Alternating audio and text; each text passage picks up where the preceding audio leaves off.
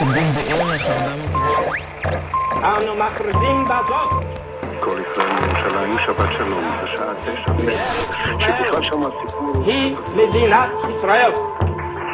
Israël in Nederland. Dit is de podcast van de ambassade van Israël die wij wekelijks in het weekend uploaden op ons Soundcloud-kanaal. In de podcast is er aandacht voor het grote verhaal van Israël, maar ook oog voor detail. Gesprekken met diplomaten en met gewone burgers. Joodse feesten, innovatie en toerisme. Ieder weekend dus de stem van Israël in Nederland. Van harte welkom bij deze aflevering van Israël in Nederland, de podcast van de ambassade van Israël in Den Haag. Uw vaste plek voor verhalen en informatie over Israël, de Joodse wereld en de relaties tussen Nederland en de Joodse staat. Mijn naam is André Diepenbroek en ik ben uw gastheer. Voor sommige dingen in het leven moet je even de gewone gang van zaken opzij zetten, om er alle aandacht op te vestigen. Dat geldt ook voor het onderwerp van deze aflevering van Israël in Nederland. We gaan de verjaardag vieren van een 120-jarige. Niet omdat die verjaardag op deze specifieke dag valt, want dat duurt nog tot december 2021. Maar dit is toch wel het herdenkingsjaar van het Kern Kayemet Israël, het Joods Nationaal Fonds.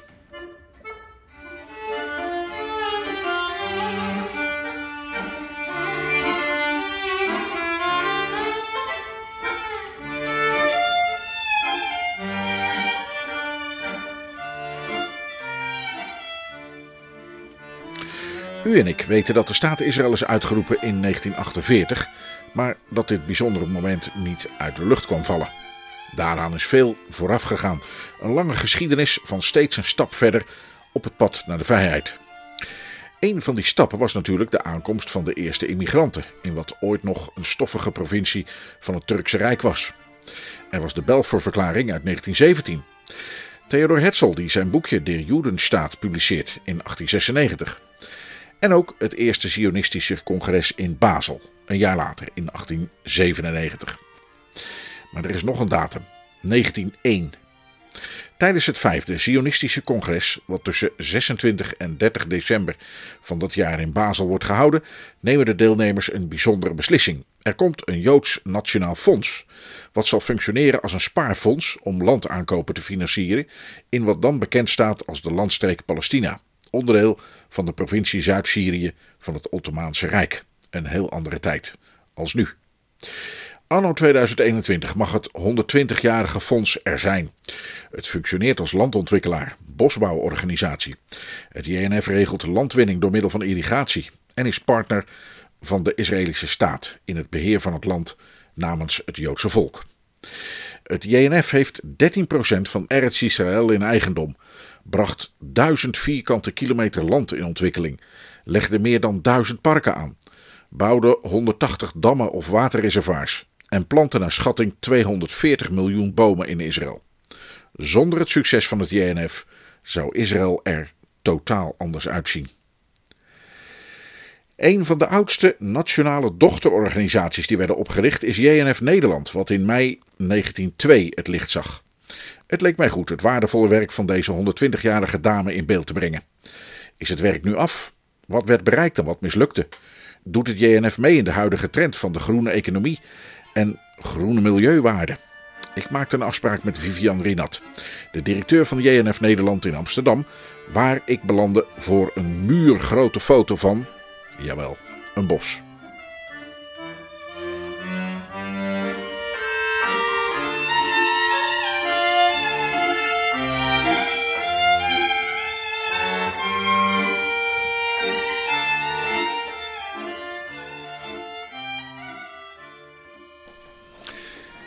Ik zie uh, beigekleurige, uh, bergachtige grond. Uh, allemaal hele kleine boompjes daartussenin staand. kronkelige paden. Een wat diepere kuil recht voor me. En daar wordt het wat groener. Die andere, dat lijken, die, die, met die wegen, dat lijken een beetje terrassen. Bovenop staan dennenbomen, denk ik. En daarachteraan nog veel meer dennenbomen. En het, is een foto op een muur. En die is zo nog veel hoger dan ik ben. En ik kijk, nu heb ik mijn hoofd in mijn nek liggen en kijk naar het plafond. En dan zie ik daarachter zand. Dit is een bos als ik het goed heb begrepen, wat eigenlijk helemaal niet kan. Ik sta hier met iemand die dat uit kan leggen. Hoe, hoe zit dat? Ja, dit waar je naar kijkt is het Yatirwoud. Dat, dat inderdaad, het werd wel het onmogelijke woud genoemd. Het is het grootste bos van Israël, geplant in de jaren 50, in de, in de jaren 60 in de Negev-woestijn.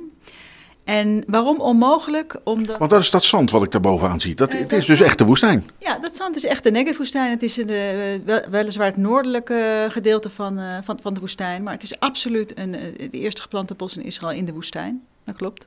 Maar het kon eigenlijk helemaal niet, was je aan het vertellen. Nou, het kon niet. David Ben Gurion had natuurlijk de droom om de woestijn te laten bloeien. En een van de eerste dingen die hij wilde was uh, bossen planten, ook in de woestijn.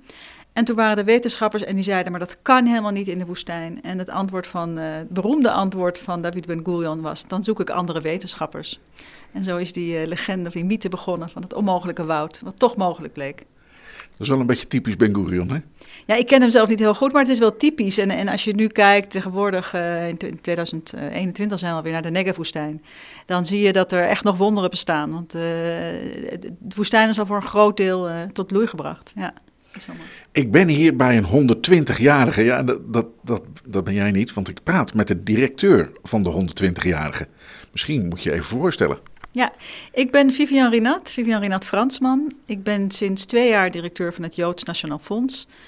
Uh, fantastische baan, leukste baan van Nederland, roep, roep ik wel eens, stiekem.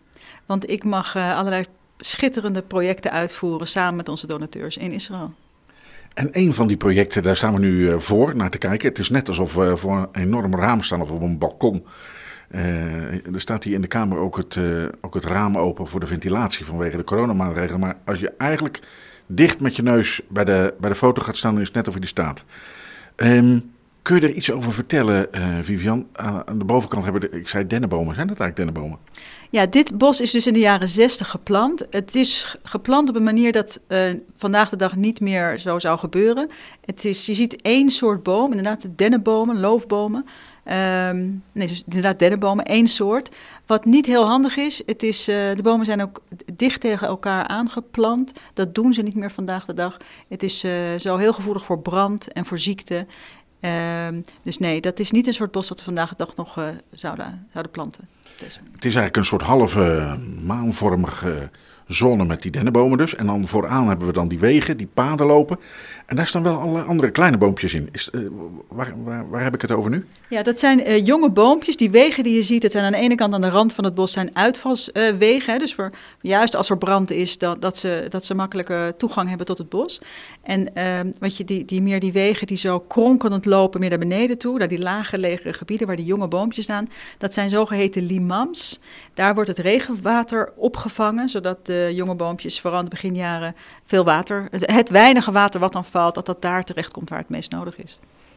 En op die manier kan zo'n heel bos in een woestijn overleven? Ja, op die manier, uh, dat is zeker een manier om, om vooral uh, efficiënt gebruik te maken van het weinige water wat valt.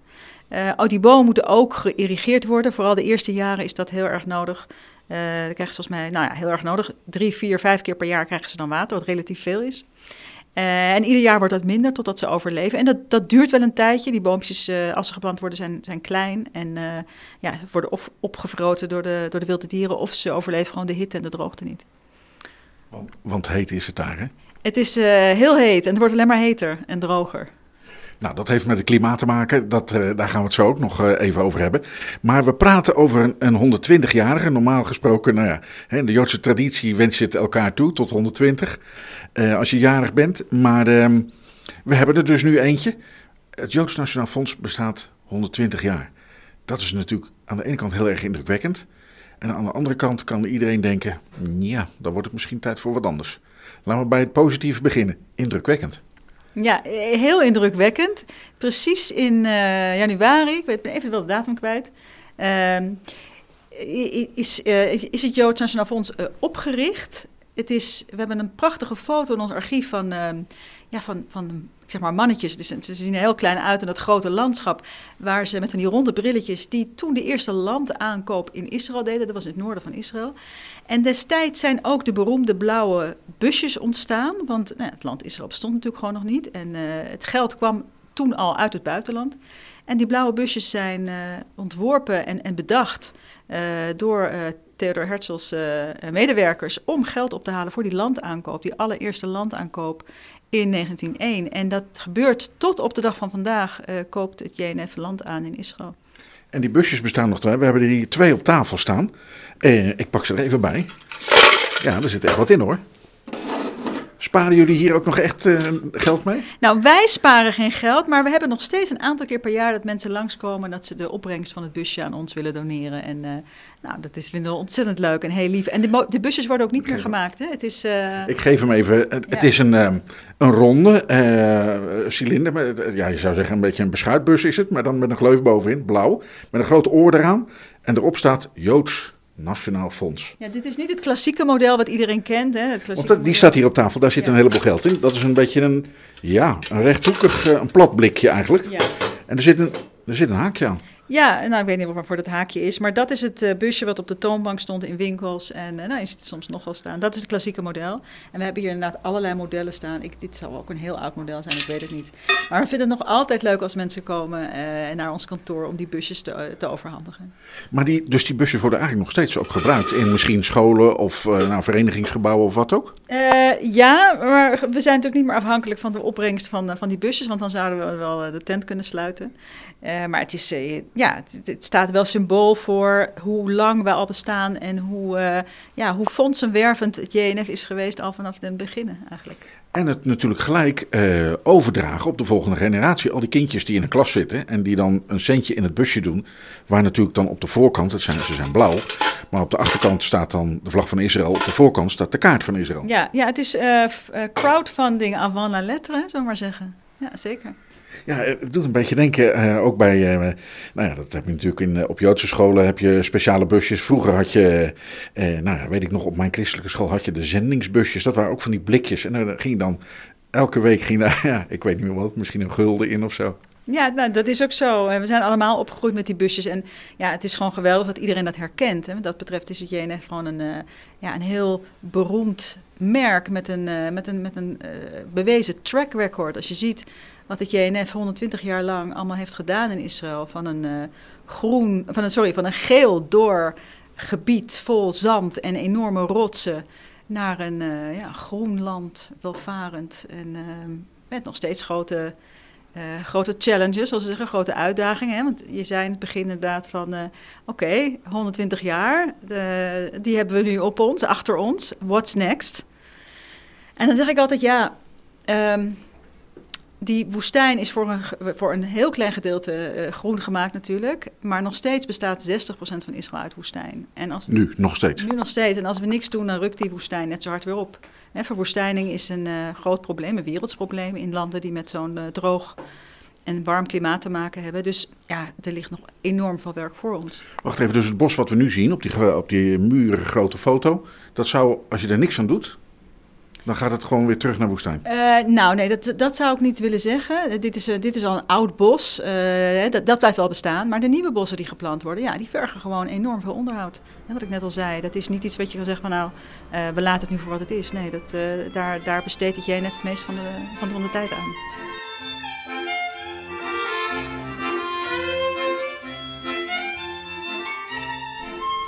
De busjes. het is in 1901 is het JNF bedacht. Wie heeft het bedacht? Er wordt een boek bijgepakt. Ja, wie heeft het bedacht? Nou ja, omdat ik wel altijd wel precies wil zijn, eh, vind ik het wel leuk om een stukje voor te lezen. Er staat hier in een boekje over het Joods Nationaal Fonds in Nederland. Het mag als bekend worden beschouwd dat op het vijfde Zionistencongres, gehouden in Basel van 26 tot 30 december 1901, het Kern Kayemet Li Israël, dat is de vertaling van Joods Nationaal Fonds, werd opgericht en wel naar een opzet die al vele jaren eerder was gepropageerd door professor Herman Shapira uit Heidelberg. Minder bekend is dat het weinig had gescheeld of het KKL was er toen helemaal nog niet gekomen. De desbetreffende motie werd namelijk in eerste instantie bij stemming niet volledig aanvaard.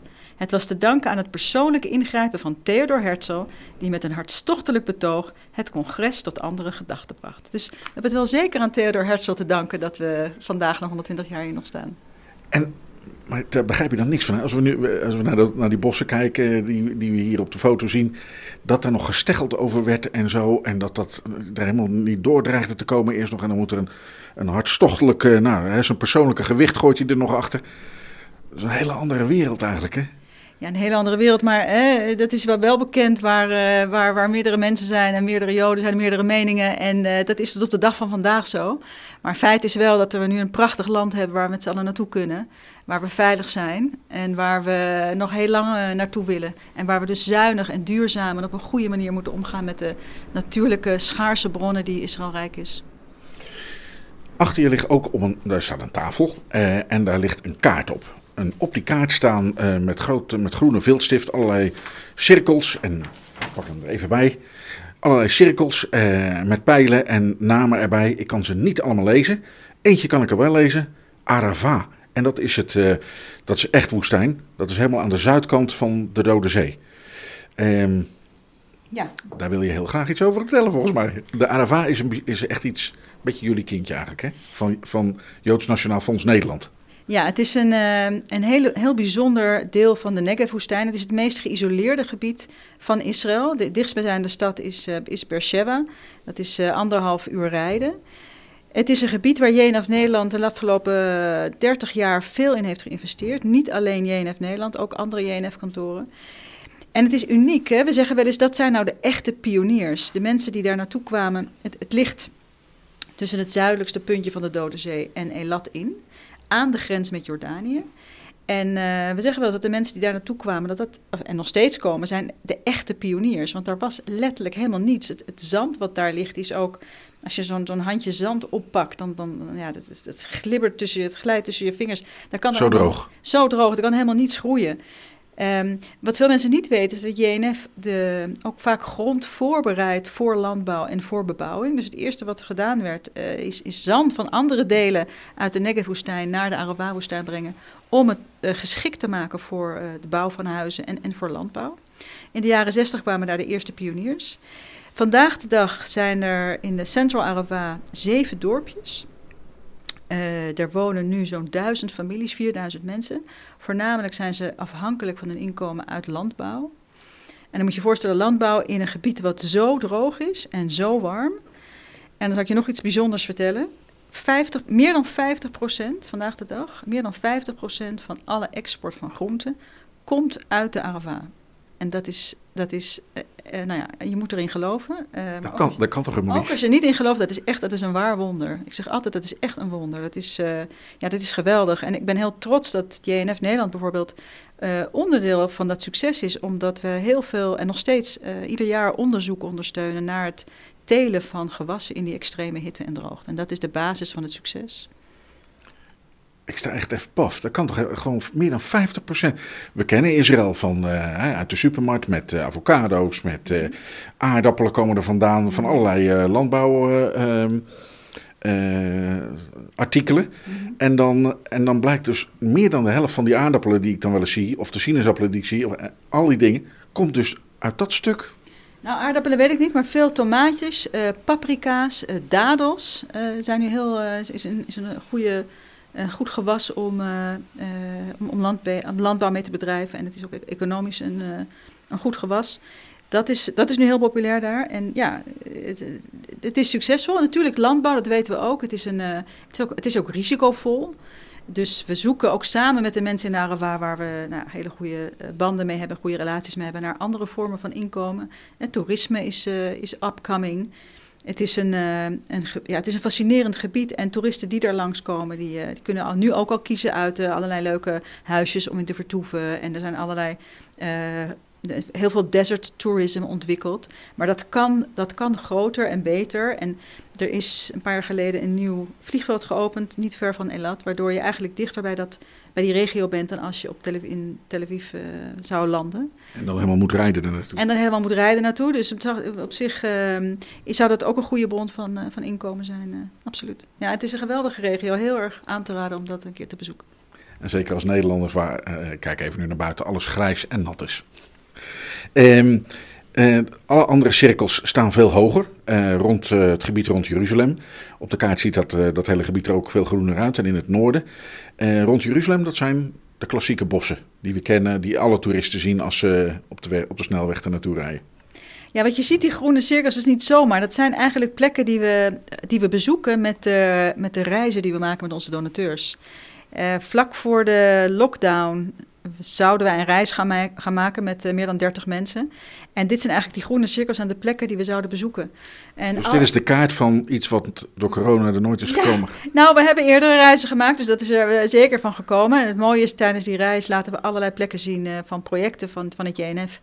Die mogelijk zijn gemaakt door, eh, ja, door donateurs. Dus dat zijn, eh, dat is in het noorden zijn dat de bossen. We laten ook eh, heel veel dingen, ehm, eh, geschiedkundige dingen zien. We, we gaan, je ziet hier die groene lijn zo langs de grens met Libanon. Daar valt heel veel over te vertellen, over, de, over, over geschiedenis, de, situatie toen, de situatie nu.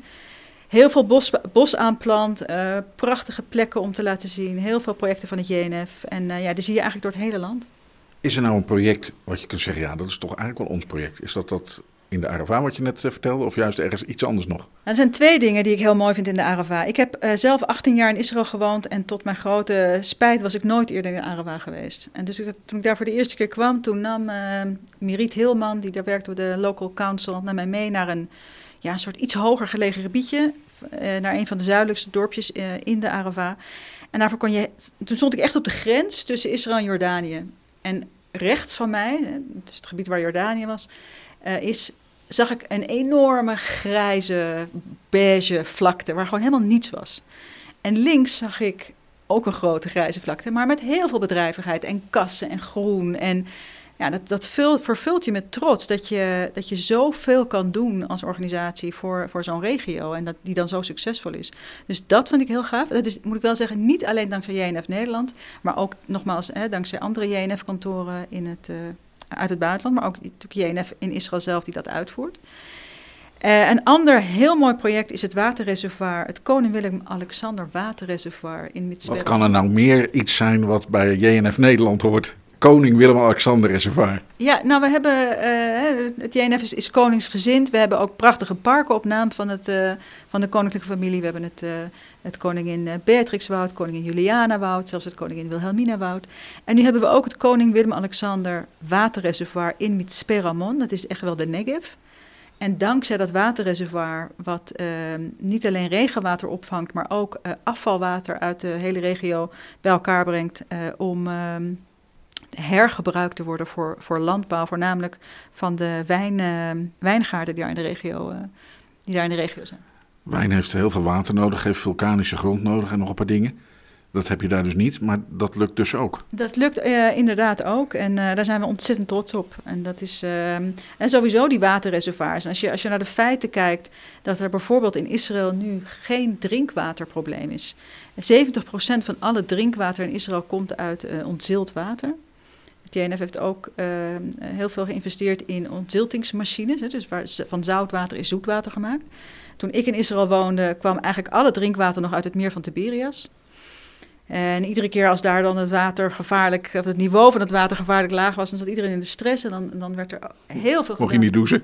Nou, je mocht letterlijk niet douchen. En er werd heel, het was ontzettend veel awareness over het gebruik van water. Ve- Veel, eh, veel eerder al dan dat het... Hè, nu is, het, is iedereen zich daar bewust van. Maar toen al werd er heel erg op gelet op eh, vooral geen water verspillen. Maar nu is dat eigenlijk niet meer nodig, want er is geen zoetwaterprobleem meer. Ehm, een tweede mooie feit is dat Israël koploper is op het gebied van eh, herbruik van afvalwater. 90% van al het afvalwater wordt hergebruikt voor landbouw. En het tweede land wat daar een beetje achteraan hobbelt is Spanje met eh, zo'n 30 procent. En in Israël is dat meer dan 90 procent. Dus dat is, ja, dat is, dat is geweldig.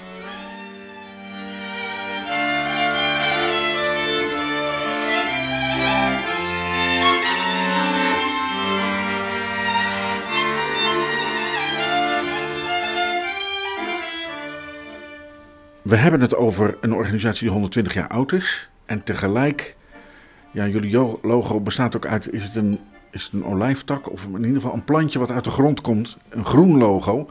Groen is natuurlijk zo hip als het maar zijn kan. Ja, het, het is heel hip. Ehm, alleen hip is misschien niet de goede term. Het is uh, ontzettend belangrijk. Iedereen heeft uh, voor ogen wat het klimaatveranderingen doen, wat voor schade het zich mee, met zich meebrengt. Iedereen is zich van bewust dat we er met z'n allen wat aan moeten doen. Dus in dat opzicht zijn we natuurlijk heel erg relevant. En ja, kunnen we ook niet zeggen dat we klaar zijn na 120 jaar. Hè? We zijn juist relevanter dan ooit. En ik denk dat het JNF met alle expertise die we hebben en met alle kennis die we hebben en alle relaties die we hebben met landen die met dergelijke problemen uh, worstelen en, en mee moeten dealen, dat we, dat we heel veel kunnen bijdragen aan, uh, aan het, nou, niet zozeer aan het oplossen, maar wel aan het ja, beperken van de schade die, uh, die klimaatveranderingen met zich meebrengen. In welk opzicht heeft Israël te maken met klimaatveranderingen? Is het bijvoorbeeld meer gaan regenen in die woestijn? Op zich is dat niet verkeerd. Ja, nou, het is wel grappig dat je dat zegt. Uh, het wordt overal droger en natter, maar je ziet ook dat dingen gewoon patronen veranderen. We hebben toevallig, we gaan deze Pesach een actie doen voor, uh, ook weer voor de mensen van de Arawa. Die gaan ons dan heel erg, uh, heel erg aan het hart. Wat, wat er gebeurt is een interessant natuurverschijnsel. Er vinden vooral in het voorjaar en het najaar heel veel overstromingen plaats, die plotseling opkomen en die heel intens en heel krachtig zijn. Dat kan voor levensgevaarlijke situaties zorgen. En juist die overstromingen zijn de laatste jaren in kracht toegenomen. En dat heeft absoluut te maken met klimaatverandering. Uh, onze experts zeggen dat je ziet dat in het noorden van Israël en aan de kust het juist meer is gaan regenen. En in het zuiden is het ook iets meer gaan regenen, maar niet alleen meer. De stroom wordt ook harder. De, de, uh, moet ik het goed zeggen, het aantal kubieke meter water wat per seconde uh, neerkomt, is met 25% toegenomen. Dat betekent ook dat de schade die wordt toegebracht uh, zoveel veel heftiger is. En, per seconde, hè? Dat is, per seconde. Dat is een enorme, enorme toename. En nou ja, je ziet wat er gebeurt in de Arawa. Als dat gebeurt, uh, je kan rustig aan het, aan het eh, wandelen zijn. En opeens hoor je gerommel en dan komt er een enorme waterstroom. Vooral nadat het een beetje, je denkt, je denkt het heeft een beetje geregend. Maar dat veroorzaakt enorme schade, enorme stromen in water. En die spoelt hele wegen en bruggen weg. En brengt ook schade toe aan landbouwakkers van, uh, ja, van de boeren in de Arawa die we nou juist steunen. Ja. Dus wat we doen is, uh, JNF brengt, biedt tweeledige hulp. A is echt noodhulp, dus meteen mensen evacueren en proberen uh, bruggen en wegen te herstellen zo snel mogelijk, zodat mensen niet, niet meer geïsoleerd zijn. Maar ook uh, in de zomer voeren ze dan wat grondigere herstelwerkzaamheden uit om te voorkomen dat het jaar daarna er weer van alles gebeurt. Dus daar vragen we nu aandacht voor in de komende maanden komt zo maar even in op, maar kun je daar eigenlijk iets aan doen? Want als het natuurlijk ergens in de woestijn vreselijk regent, met zulke bakken uit de hemel komt, en dat komt dan uiteindelijk ja, via een wadi, zo'n normaal droogstaande bedding, komt dat dan in de Arava uit. Kun je dat stoppen? Dat kun je toch helemaal dat is nee. toch niet, niet, niet te overzien? Nee, je kan het niet stoppen, maar je kan wel proberen om het, uh, om het, om het te herleiden. Om het, om het, zeg maar, uh, uh, ja. Dat het niet dicht bij de, bij de bewoonde wereld komt, zeg maar. En, en ze, ze, ze, ze leggen dan een paar soort dammen aan om mhm. die gebieden heen. En uh, ze, ze, herleiden wegen echt. En uh, ja, het is toch af en toe een kwestie. Er worden echt letterlijk hele stukken weg weggeslagen en, en bruggetjes over weg heen. En die worden dan hersteld. En ze proberen het inderdaad zo te leiden dat, uh, dat, dat die schade niet, het volgend jaar niet weer gebeurt. Maar het is lastig, zeker omdat die, die intensiteit zo toeneemt. En dat is absoluut een gevolg van de klimaatverandering. Het is eigenlijk jammer, je zou eigenlijk een enorme grote bak moeten hebben in de woestijn waar alles in blijft staan dan. Ja, nou er wordt uh, heel veel regen ook opgevangen. Hè. Er zijn waterreservoirs uh, waar regen wordt opgevangen. Maar daar, dat is, daar, daarmee voorkom je dit soort natuurverschijnselen niet. Nee, absoluut niet. Um, we hebben het over uh, natuur en natuurgeweld. Er gebeuren ook natuurrampen. Hebben we er net eentje nog van vers uit de krant. er ligt hier geen krant, maar ehm, daar heb je je kaart weer bij nodig. Die enorme olieramp. Ja. Toen, wat dacht je? Nu dit weer. Ja, dat is geen natuurramp. Hè. Het is door menselijk uh, falen veroorzaakt. Maar het is wel een enorme ecologische ramp. Uh, niet alleen voor Israël, maar ook voor het zuidelijke deel van Libanon. En zulke enorme hoeveelheden olie en teer, die, dat geloofd is in zee, dat is echt funest voor vissen, vogels, schildpadden. Maar ook voor mensen die, uh, die, die de stranden bezoeken. Dus uh, onder andere het JNF heeft de honderden vrijwilligers die het heeft in Israël opgetrommeld. En het is echt uh, ja, mensenwerk geworden. De, de deeltjes teer zijn nu zo klein dat ze wegzakken in het zand. En heel, nog steeds heel schadelijk zijn voor de natuur. Dus mensen moeten handmatig die deeltjes uit het zand, uit het zand halen. Dat is een ja, natuurwetenschappers zeggen dat, dat, nog jaren, dat we nog jaren die effecten van gaan zien. Dus dat is heel erg. We hebben een noodactie opgezet en uh, nou ja, daar is goed op gereageerd. Maar nog lang niet genoeg.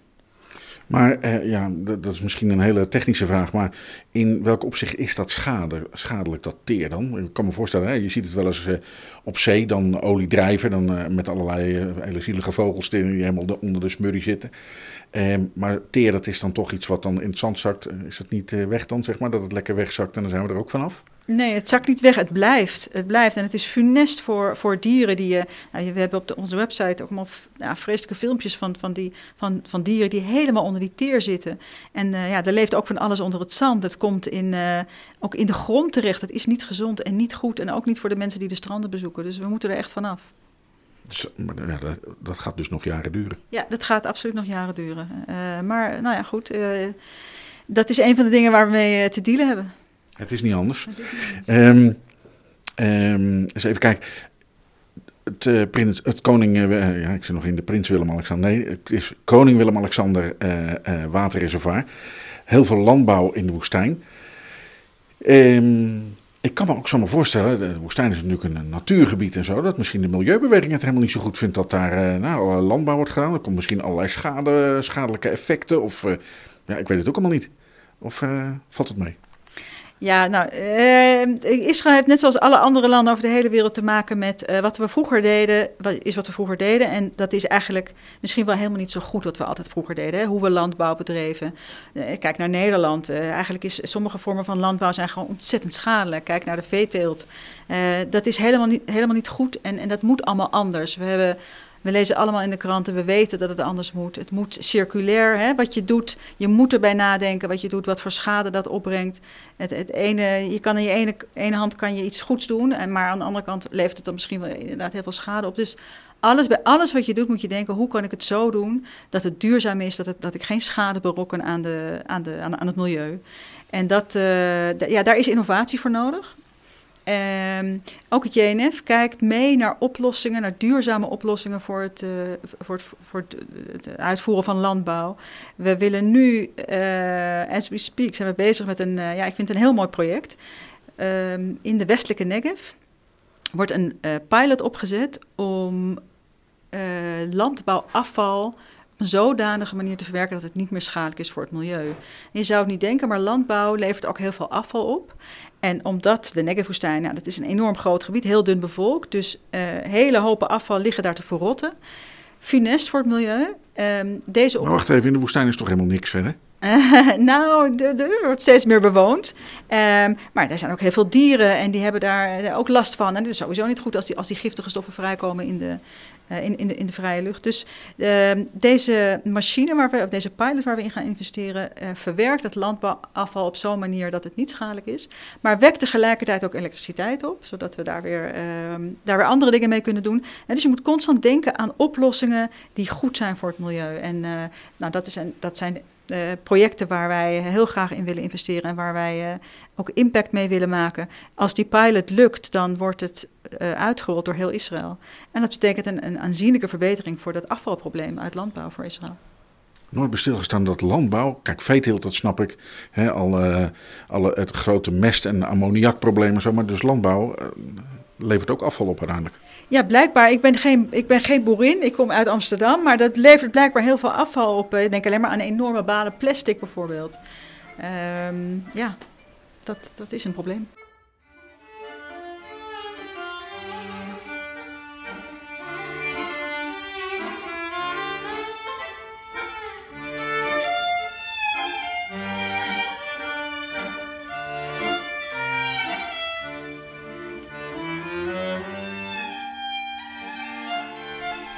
Het Joods Nationaal Fonds is een, eh, eh, eh, iets wat 120 jaar bestaat. Ik heb het al een paar keer benadrukt. Ik zet er nog maar weer eens een streepje onder. Hoe gaan we verder? Is het dan toch, eh, kunnen we naar een afronding toe? Zeker niet, zeker niet. Was dat maar waar. Je kunt je kan zeggen, we zijn, we zijn klaar. We hebben zo'n mooi land. eh, het is nu allemaal af. Maar dat, eh, nou ja, nogmaals, als we niks doen, dan, dan rukt die woestijn net zo hard weer op. En we moeten echt met z'n allen nadenken hoe we dat kleine landje zo goed mogelijk kunnen, eh, zo goed kunnen, ja, niet zeggen beschermen, maar hoe we zo goed mogelijk kunnen omgaan met wat er, met wat er is en wat er schaars is. Ehm, ik, dat, dat is ontzettend belangrijk als we willen dat Israël nog lang bestaat. Eh, mijn twee kinderen wonen er en iedereen heeft, eh, eh, die ik ken en die ik spreek, en mensen die Israël belangrijk vinden, die, die vinden het belangrijk dat Israël bestaat. Niet alleen nu voor de huidige generatie, maar ook voor toekomstige generaties. En uh, ja, wij moeten gewoon, wij hebben die verantwoordelijkheid om het land uh, zo achter te laten dat toekomstige generaties er ook nog wat mee kunnen. We nemen dit gesprek op uh, vlak voor een weekend. Um, laten we er even overheen stappen. Dan is het maandag. Hoe ga je dan aan het werk? Wat, hoe ziet een nou, gemiddelde dag? Niemand heeft gemiddelde dagen, maar hè, bij wijze van spreken, hoe ziet dat eruit? Hoe, hoe, hoe zorg je voor die fondsen, zodat al die uh, schitterende projecten uh, ook, nou, ook, ook werkelijkheid kunnen worden? Door kunnen gaan. Hoe, hoe doe je dat? Zijn dat uh, nog steeds de spaarbusjes die we eerder lieten rammelen? Nee, zoals ik al zei, als, als, we afhankelijk zouden zijn van die spaarbusjes, dan had ik hier het kantoor wel dicht kunnen doen. Nee, we zijn uh, voor een groot gedeelte afhankelijk van uh, inkomsten uit nalatenschappen. We hebben onze jaarlijkse acties, en dan drie tot vier per jaar, meestal rond de Joodse feestdagen. We hebben een jaarlijkse loterij, die uh, ja, toch wel meer dan een ton opbrengt ieder jaar. We, koppelen daar meestal een fantastisch project aan vast. Dit jaar was dat het Stadspark in Lot, in een stad vlakbij Ben Gurion vliegveld. We hebben inkomsten uit de verkoop van onze boomcertificaten. Ja, die kennen we natuurlijk allemaal van. Hè? Als je ter nagedachtenis of bij een jubilaris, uh, ja. dan geef je hem een boom ergens. Voor die en die wordt een boom geplant daar en daar. Ja, daar zijn we ontzettend blij mee. Want daarmee uh, financieren we de, onze steun aan alle bossen. En vooral ook aan het onderhoud. Hè? Want mensen denken van, goh, ik plant een boom en dan zijn we klaar. Maar dat is niet zo. Dat onderhoud vergt uh, heel veel tijd, geld en moeite. Dus dat zijn, uh, dat, dat zijn de inkomsten waarvan wij moeten zorgen dat die uh, op peil blijven. En dat uh, ja, is niet makkelijk in, tegenwoordig. mensen worden overvraagd en mensen, ja, iedereen heeft, een, heeft verschillende goede doelen en verschillende ja, instanties waar die geld aan geeft. En dat is allemaal prima. Maar goed, als je één heeft, moet je natuurlijk relevant blijven. En nou, wij werken er hard aan om uh, om dat te doen. Gelukkig kan ik zeggen dat wij een uh, enorme, loyale, trouwe schare donateurs hebben. Waar we altijd op kunnen rekenen, iedere actie weer. Vooral mensen in de Joodse gemeenschap of niet per se? Nee, niet per se. Het is, ik denk dat het grootste gedeelte is zelfs niet uit de Joodse gemeenschap. Um, maar Mel een heel warm hart voor Israël. En uh, ja, ik vind dat iedere keer weer hartverwarmend om, om, om die mensen te spreken. Ik, ik spreek donateurs regelmatig, ik bel ze op. Ik vind het ja, heel bijzonder als iemand een, een, geldbedrag geeft. En het hoeft vaak helemaal niet een groot bedrag te zijn. Ook als je gewoon nieuw bent, ben ik altijd geïnteresseerd om te horen wa waarom geef je? Hoe ken je het jene? Wat vind je belangrijk? Uh, ja, juist de bomen of juist het water of juist andere dingen. Feedback van donateurs vind ik heel belangrijk. Ik reageer altijd. Um, dat moet je niet altijd zeggen, hè? want dan uh, zit daar je mailbox vol. Ja. Ik ben wel heel nieuwsgierig. Kun je nog een verhaal herinneren dat je een donateur belde of iemand belde zelf uh, naar het kantoor dat je dacht, nadat je ophing, tjonge, een bijzonder verhaal? We hebben zo ongelooflijk veel bijzondere verhalen. Ik zou niet eens weten waar het wordt. dus lastig. Ja, nou ja, het zijn vaak... Uh, mensen kennen het JNF vaak van hun ouders. En we hebben bijvoorbeeld ook wel eens een nalatenschap van een meneer gekregen, die, uh, die zochten we dan op. En toen vroeg ik aan hem, ja, hoe kent u ons? En toen zei hij, nou, ik heb ooit een boomcertificaat gekregen. En dat vond ik zo bijzonder, dat ben ik nooit meer vergeten. Ik heb me erin verdiept. En dus zo zie je hoe, uh, als iemand een boomcertificaat ontvangt van iemand, waar dat toe kan leiden. Nou, en dan vele jaren later ineens Vele jaren later, nou wij weten toevallig nu van deze meneer dat wij, meneer dat wij in zijn testament staan. Um, en van Joodse mensen is het vaak dat ze een, uh, ja, die hebben een bijzondere band. Of vaak is het vanuit een, uh, we hebben een donateur die is een scheikundige en die is helemaal uh, ontzettend geïnteresseerd in water. Die heeft een grote bijdrage gedaan aan een waterreservoir. Niet het Koning Willem-Alexander reservoir, maar eentje in de Arava. Um, ja, mensen hebben om allerlei verschillende redenen een bijzondere band met Israël. En dat is iedere keer weer ontroerend en hartverwarmend om te horen. En ja, ik vind, dat, ik vind dat een van de meest bijzondere dingen van deze baan, om die verhalen te horen. Wat, wat is dat?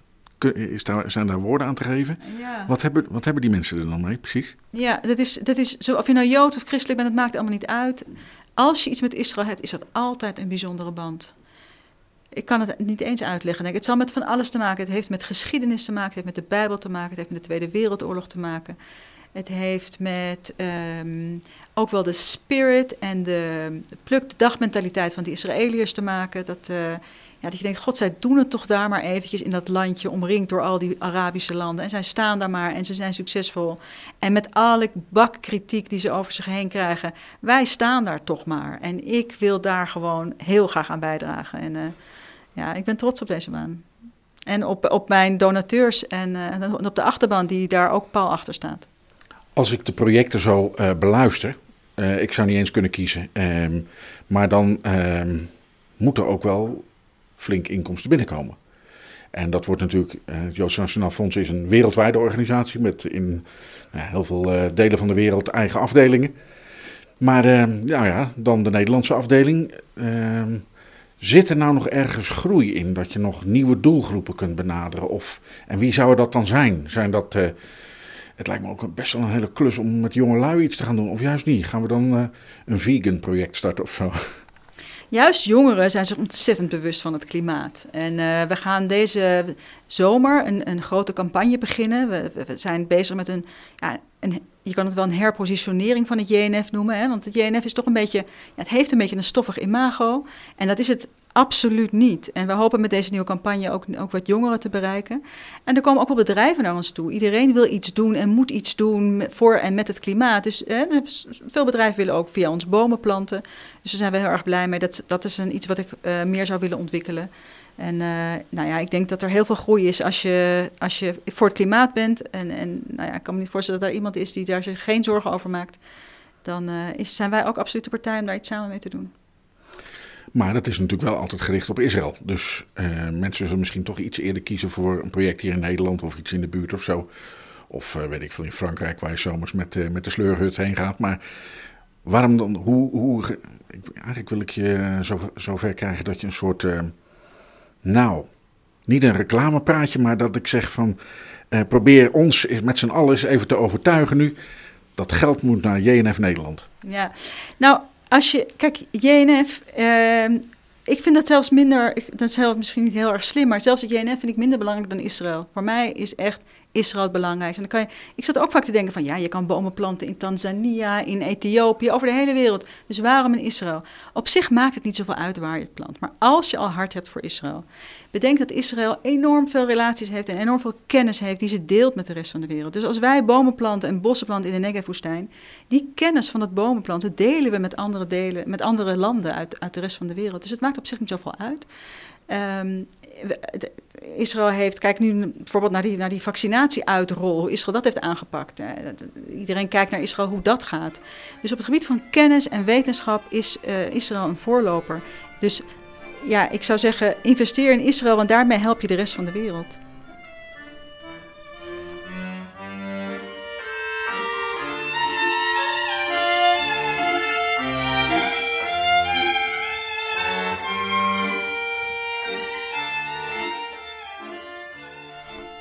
André, misschien is het leuk om even te lopen naar de, onze Wall of Fame.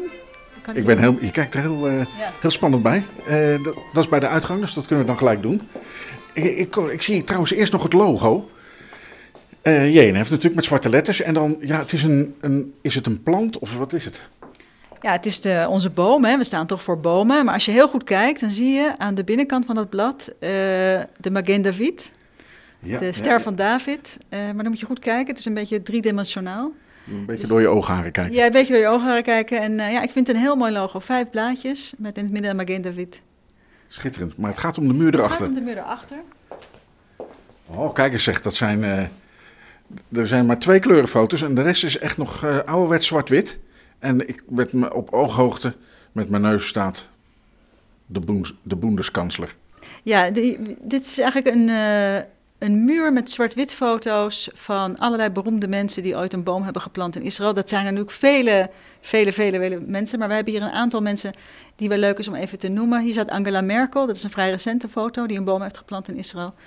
Maar we hebben hier ook de hele koninklijke familie, allemaal apart op een foto. Een oude foto van koningin Beatrix, van eh, koningin Wilhelmina, denk ik dat dat is. En En koning- Juliana zie ik hier ook staan. Koningin Juliana.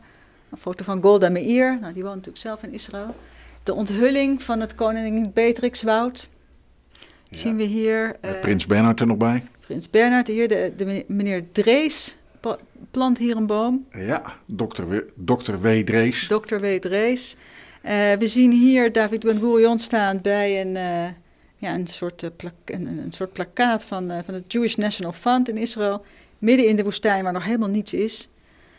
Ehm, we zien hier een foto van Brooke Shields, die een boom aan het planten is. Schitterende zwart-wit foto.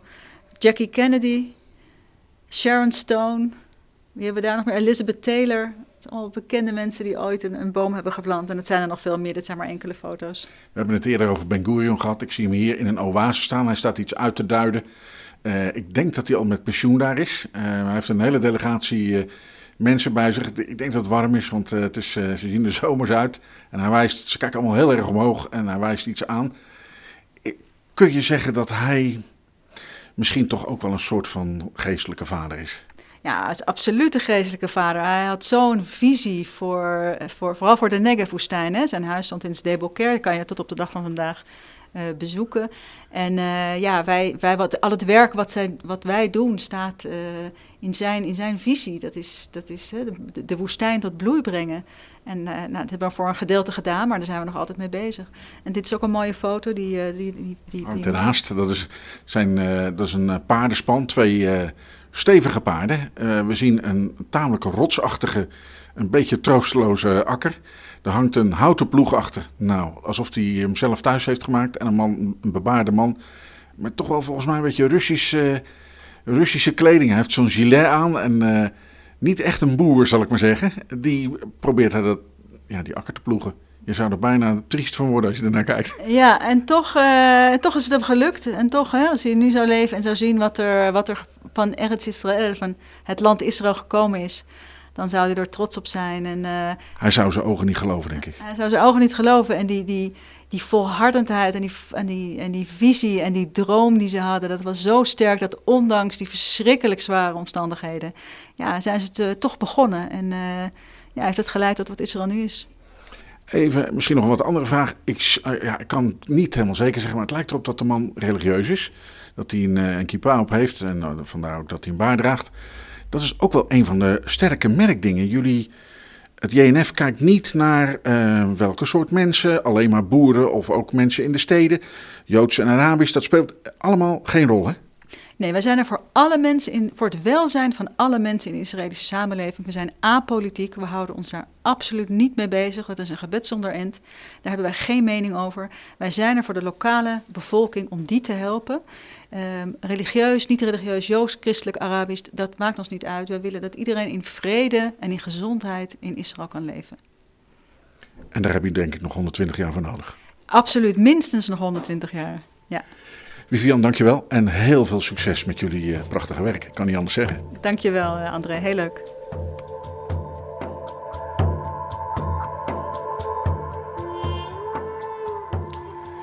En dat zei Vivian Rinat, directeur van JNF Nederland. Meer informatie en prachtige foto's over het jarige Joods Nationaal Fonds treft u op onze Facebookpagina aan. Kijkt u op soundcloud.com slash Israël in Nederland en daarna even doorklikken op de link naar onze Facebookpagina. Trouwens, het adres daarvan is facebook.com slash Israel in Netherlands. Ik raad u ook aan om zich te abonneren op onze nieuwsbrief. U kunt dat het beste doen door mij een e-mail te sturen. En dat doet u naar pr heeg.mfe.gov.il. Ik zal het ook nog even op onze Soundcloud-pagina vermelden. U maakt dan ook kans op een van onze kalenders die wij nog uit Israël ontvingen. Leuk voor aan de muur. Dus een mailtje sturen, aanmelden voor de nieuwsbrief of als volger van deze podcast. En wie weet krijgt u iets leuks toegestuurd. Wij zijn hiermee gekomen aan het einde van deze podcastaflevering van Israël in Nederland. Vergeet u niet volger te worden of anderen aan te raden zich te abonneren. Zo blijven u en uw kennissen steeds op de hoogte van wat we doen. Dat kan via Spotify, Apple Podcast, Stitcher of gewoon via ons SoundCloud-account. Voor wat ons betreft, dank voor het luisteren. Gak Pesach Sameach en graag tot over een week.